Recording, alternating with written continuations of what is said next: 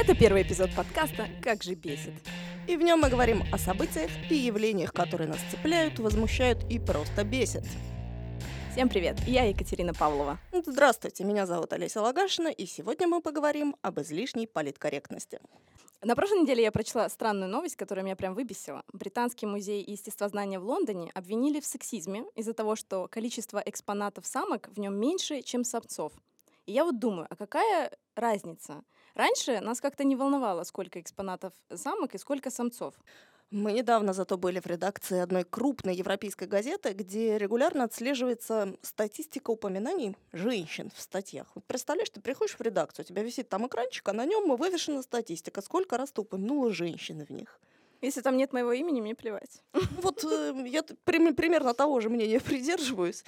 Э, сами редакторы, правда, признают, что есть рубрики, где равного соотношения быть не может в силу каких-то объективных причин. Ну, например, ты ведешь, э, комментируешь чемпионат мира по футболу, причем мужскому, да, и туда как-то, ну, очень трудно впихнуть женщин, если это только не подруги, спутницы жизни этих самых футболистов, да. да. Меня не столько это бесит, конечно, сколько удивляет. Тоже не понимаю, зачем это нужно. Они ответили на твой вопрос?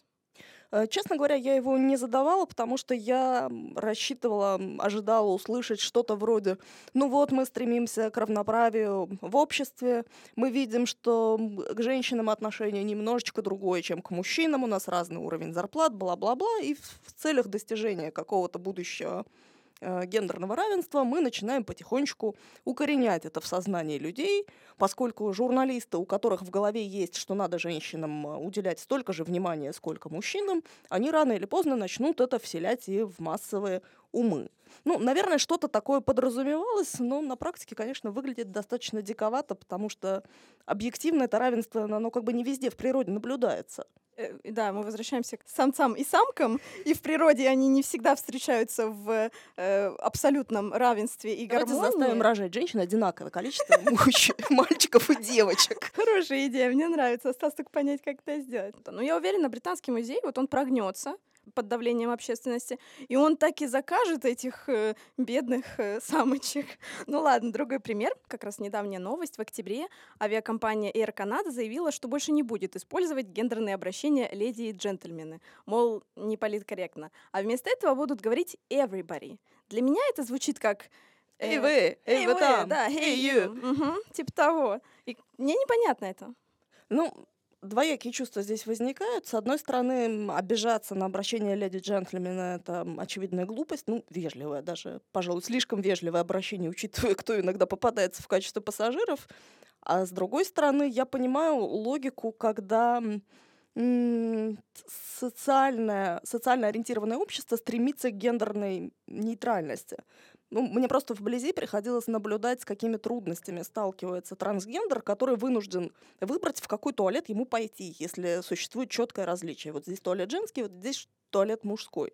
Как бы если все твои спутники знают, что по паспорту ты мужчина или наоборот женщина, а ты по факту ощущаешь себя существом другого пола, в присутствии кого-то зайти вот в этот конкретный туалет, это может представлять некоторые сложности. Поэтому общество, которое стремится ну, окружить, что ли, вниманием э, таких людей, оно, безусловно, стремится вот эти вот скользкие места как-то обойти. Другое дело, что это очень многих возмущает. У меня был случай, когда я ненароком обидела свою коллегу, а, одну, одного журналиста. Я увидела ее ребенка, и ребенок был одет как мальчик. У него э, при этом были очень длинные волосы, и ну, сама понимаешь, вот у детей вообще такое миловидное личико, вот а, они, они все, ну, как бы не сразу понимаешь вообще, какого пола. А тут как бы вроде и, ну, одежда мужская, но при этом личико абсолютно женское. Ну, думаю, ну, как бы девочек же сейчас тоже одевают как мальчиков. Ну, я говорю, слушай, у тебя такая красивая дочка. Он говорит, да, класс, только сын. И вот я впала в ступор, мне как бы, ну, и я вроде не поняла, обидела я ее или нет. Э, обид... Это может быть твое неудобство, что ты ошиблась, не столько ее обида, и вряд ли она стала тебе ее демонстрировать. Да. А вообще я не против социальной э, политики гендерной нейтральности, как я уже сказала, пока она проходит разумно. Потому что Четыре года назад в Италии они при анкетировании решили убрать понятие «мать» и «отец», потому что у них э, гомосексуальные пары начали активно регистрировать э, своих детей, и чтобы не обижать э, геев, они решили ввести вот родитель один и родитель два вместо матери и отца. Класс. окей, все довольны вроде как.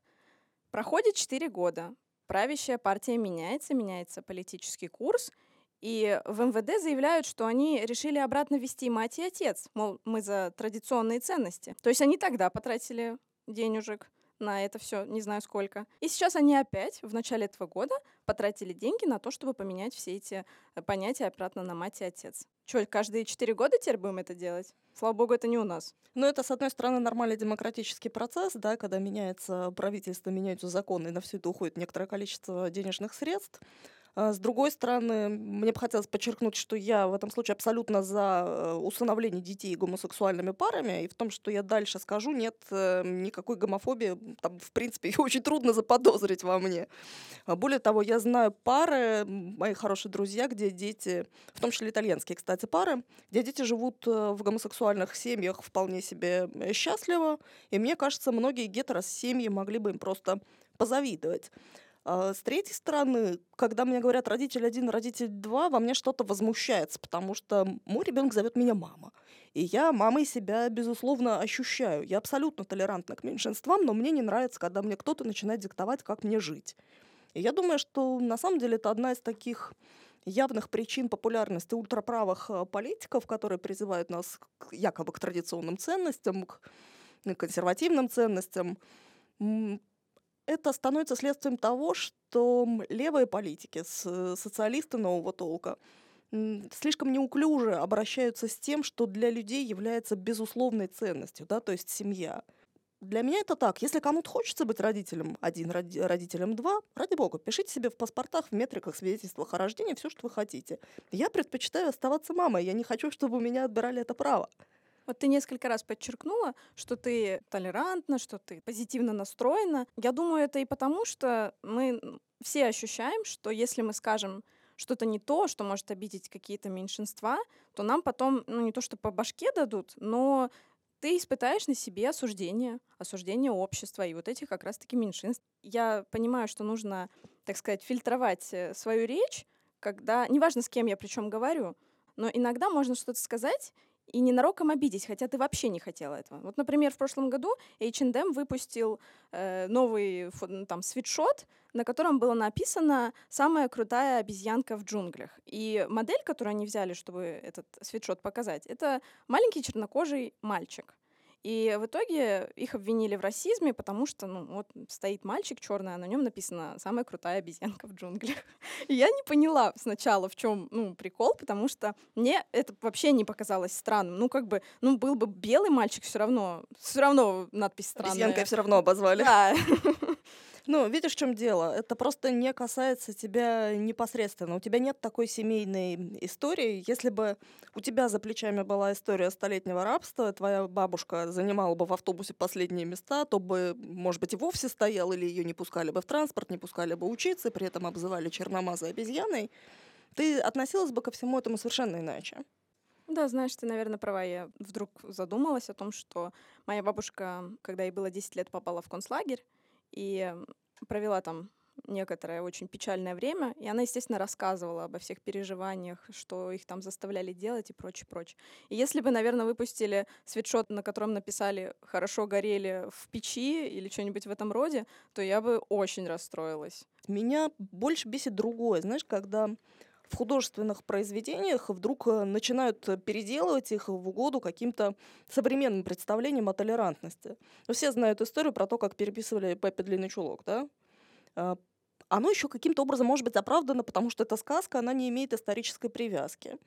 А, мы все помним, что папа Пеппи негритянский король, да? В последних редакциях это вроде бы стали изымать, ссылаясь при этом на мнение самой Астрид Лингрен, которая говорила, что в этой книге есть некоторые идиотские моменты, и в частности упоминание о негритянском короле она бы оттуда просто убрала, что и сделали позднейшие редакторы с позволения, по желанию ее э, дочери, которая управляет ее делами.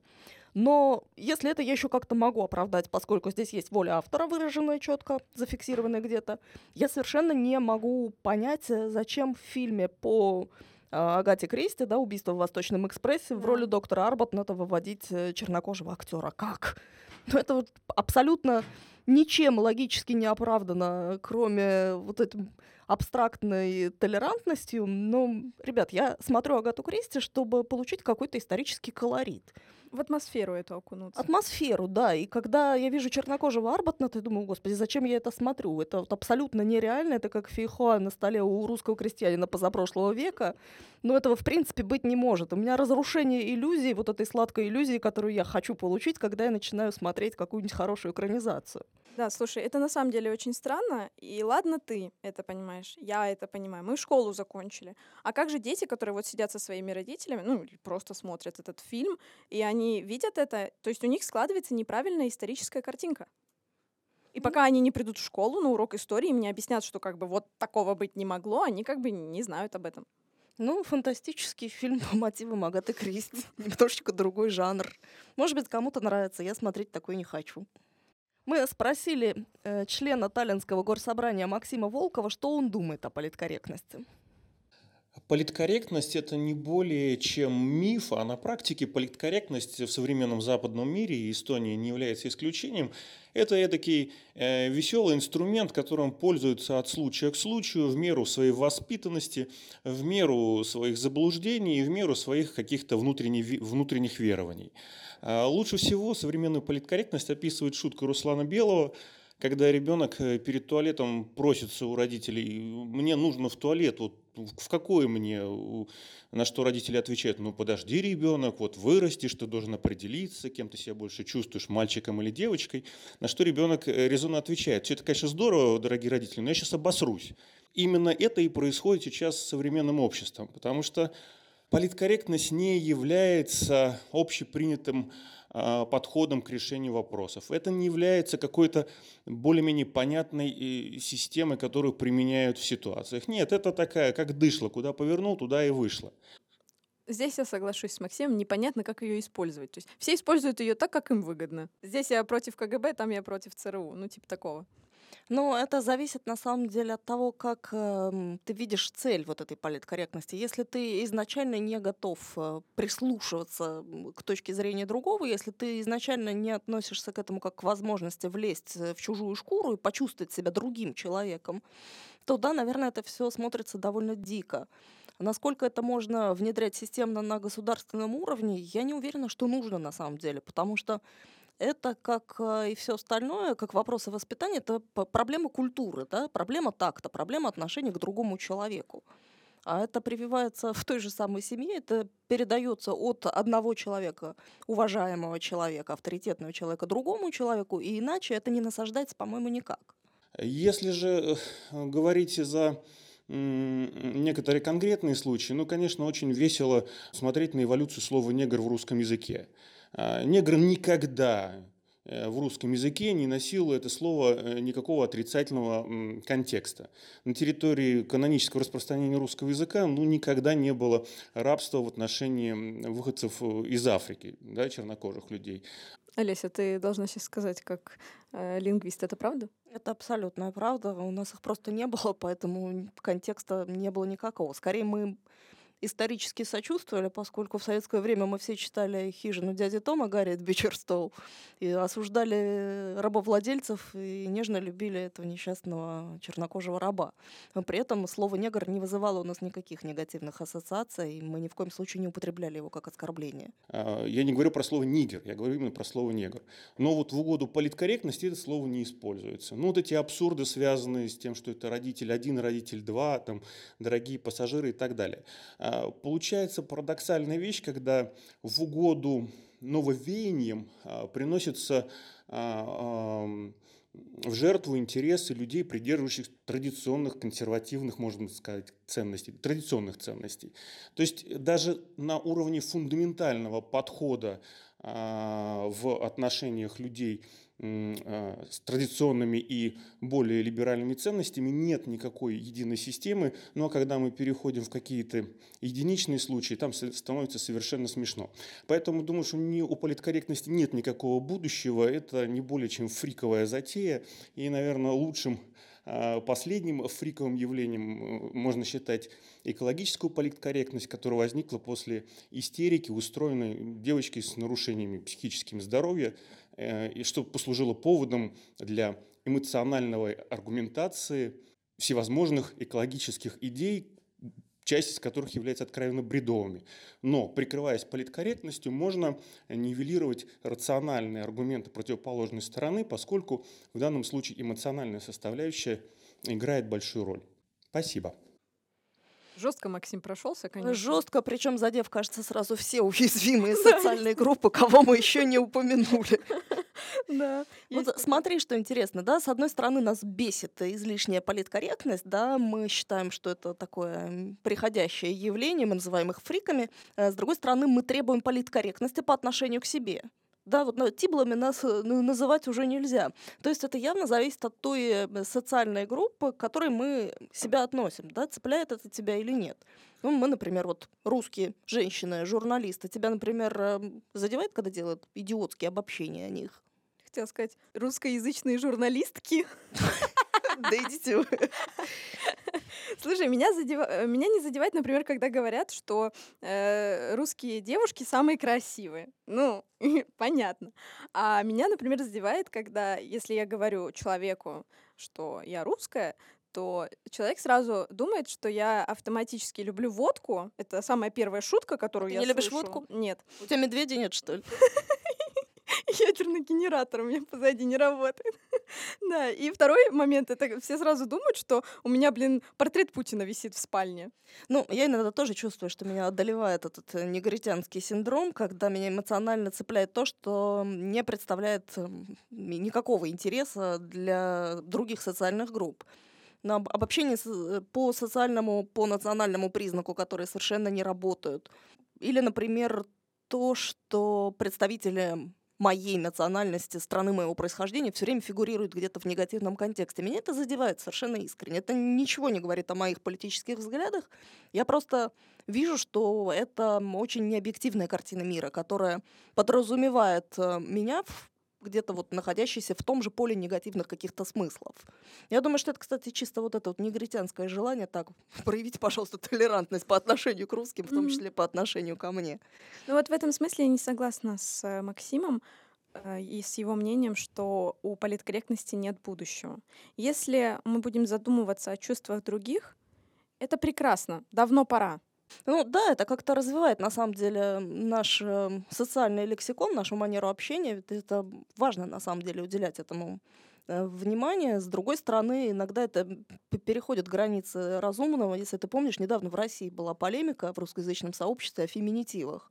Ну, ты журналист или ты журналистка? Я журналист.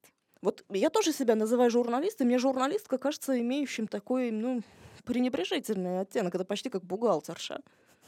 Дико же звучит, еще бы филоложкой назвали. Филоложка, многоножка. Восьминожка, друг Мурзилки. Просто я не понимаю. Феминистки действительно требуют, чтобы их называли в женском роде. Зачем вообще такое внимание к таким деталям? То есть раньше, ну как бы, почему нету, э, не было феминитивов раньше? Потому что только мужчины выполняли эту работу. Сейчас мою работу журналистскую выполняют все. Она стала доступна как мужчинам, ну в смысле была и доступна мужчинам, и стала доступна женщинам. И сейчас даже в Эстонии больше русскоязычных журналистов женщин. Наверное, если, да. Если я не ошибаюсь. Может быть, даже и среди эстонцев тоже. И, соответственно, от того, что будут называться женщины журналистками, это, эта профессия доступнее не станет, потому что она и так уже доступна. Так зачем вот этот налет какой-то дешевизны? Потому что, извините, блин, журналистка, проститутка, мы видим четкую... Ну да, есть такой пиеративный оттенок на да. самом деле. Угу. Я помню, э, поэтесса, женщина-поэт Наталья Горбаневская просила называть ее поэткой, но это было явной такой отсылкой к польскому языку, поскольку она одно время имела отношение к Польше. Естественно, как заимствованное слово, оно вполне адекватно как бы звучало. Вообще, мне кажется, важно учитывать намерение человека, да, когда он тебя называет. Потому что, может быть, не имеет в виду ничего худого, когда он называет тебя журналисткой, это не имеет уничижительного значения. Ну, просто он так говорит. Э, с другой стороны, важно вовремя как бы просечь этот момент, да, что человеку ты доставляешь какую-то неприятность. У меня был такой опыт, опять же, вернусь, извини, к геям. Э, я в свое время была очень удивлена тем, что для них слово гомосексуалист является словом оскорбительным. Да? То есть это еще с советских времен, вписанное там э, в закон. Это звучит как, ну, признание человека в том, что он к геям относится крайне негативно. Они просят, чтобы их называли гомосексуалами. По мне, на тот момент такого слова вообще не существовало. И меня как бы очень сильно это удивило. Но я, с другой стороны, я прислушалась, я как-то постаралась модифицировать э, свою речь, когда я обращаюсь, когда я описываю. Ну или бывает, там пишешь статью о геях, да, тебя там ласково просят. Ты вот здесь не пиши партнер. Для меня важно, чтобы ты сказала, что я именно жена там или муж. Хорошо, я поправлю, как ты хочешь. Ради бога. Главное, чтобы мы понимали, что я не хочу тебя обидеть, а ты не хочешь быть обиженным и не требуешь агрессивно, не заявляешь о каких-то своих правах. Потому что ключевой момент — это отношение, эмпатия или, наоборот, агрессия. Да, ты права. Я сама однажды обидела ненароком человека, тоже э, неправильно. Я до сих пор иногда путаю гомосексуалисты, гомосексуа... Гомосексуалы. Гос... Гомосексуалы, да. То есть есть такая у меня проблема. И вот я пару раз ненароком обидела э, человека. Было и в итоге и ему неприятно, и мне неприятно. И, наверное, я все-таки склоняюсь к тому, что политкорректность не должна строиться на запретах и ограничениях. То есть если э, на государственном уровне ведут какие-то ограничения на мой словарный запас или еще что-то, это будет как-то стрёмно, это будет вызывать негатив, и мне кажется, ключевую роль должна играть, как ты правильно сказала, эмпатия. То есть стоит выслушать человека, понять, почему ему неприятно, и, э, может быть, пойти ему навстречу, потому что тогда и тебе могут пойти навстречу. В общем, стоит задуматься о чувствах других, но не надо агрессивно навязывать свою картину мира, иначе это вызовет реакцию отторжения. И в каких-то случаях это действительно бесит. Спасибо, что слушали нас. Подписывайтесь и пишите нам на venesobachka.postimes.ie или оставляйте комментарии, что раздражает вас, и мы будем беситься вместе.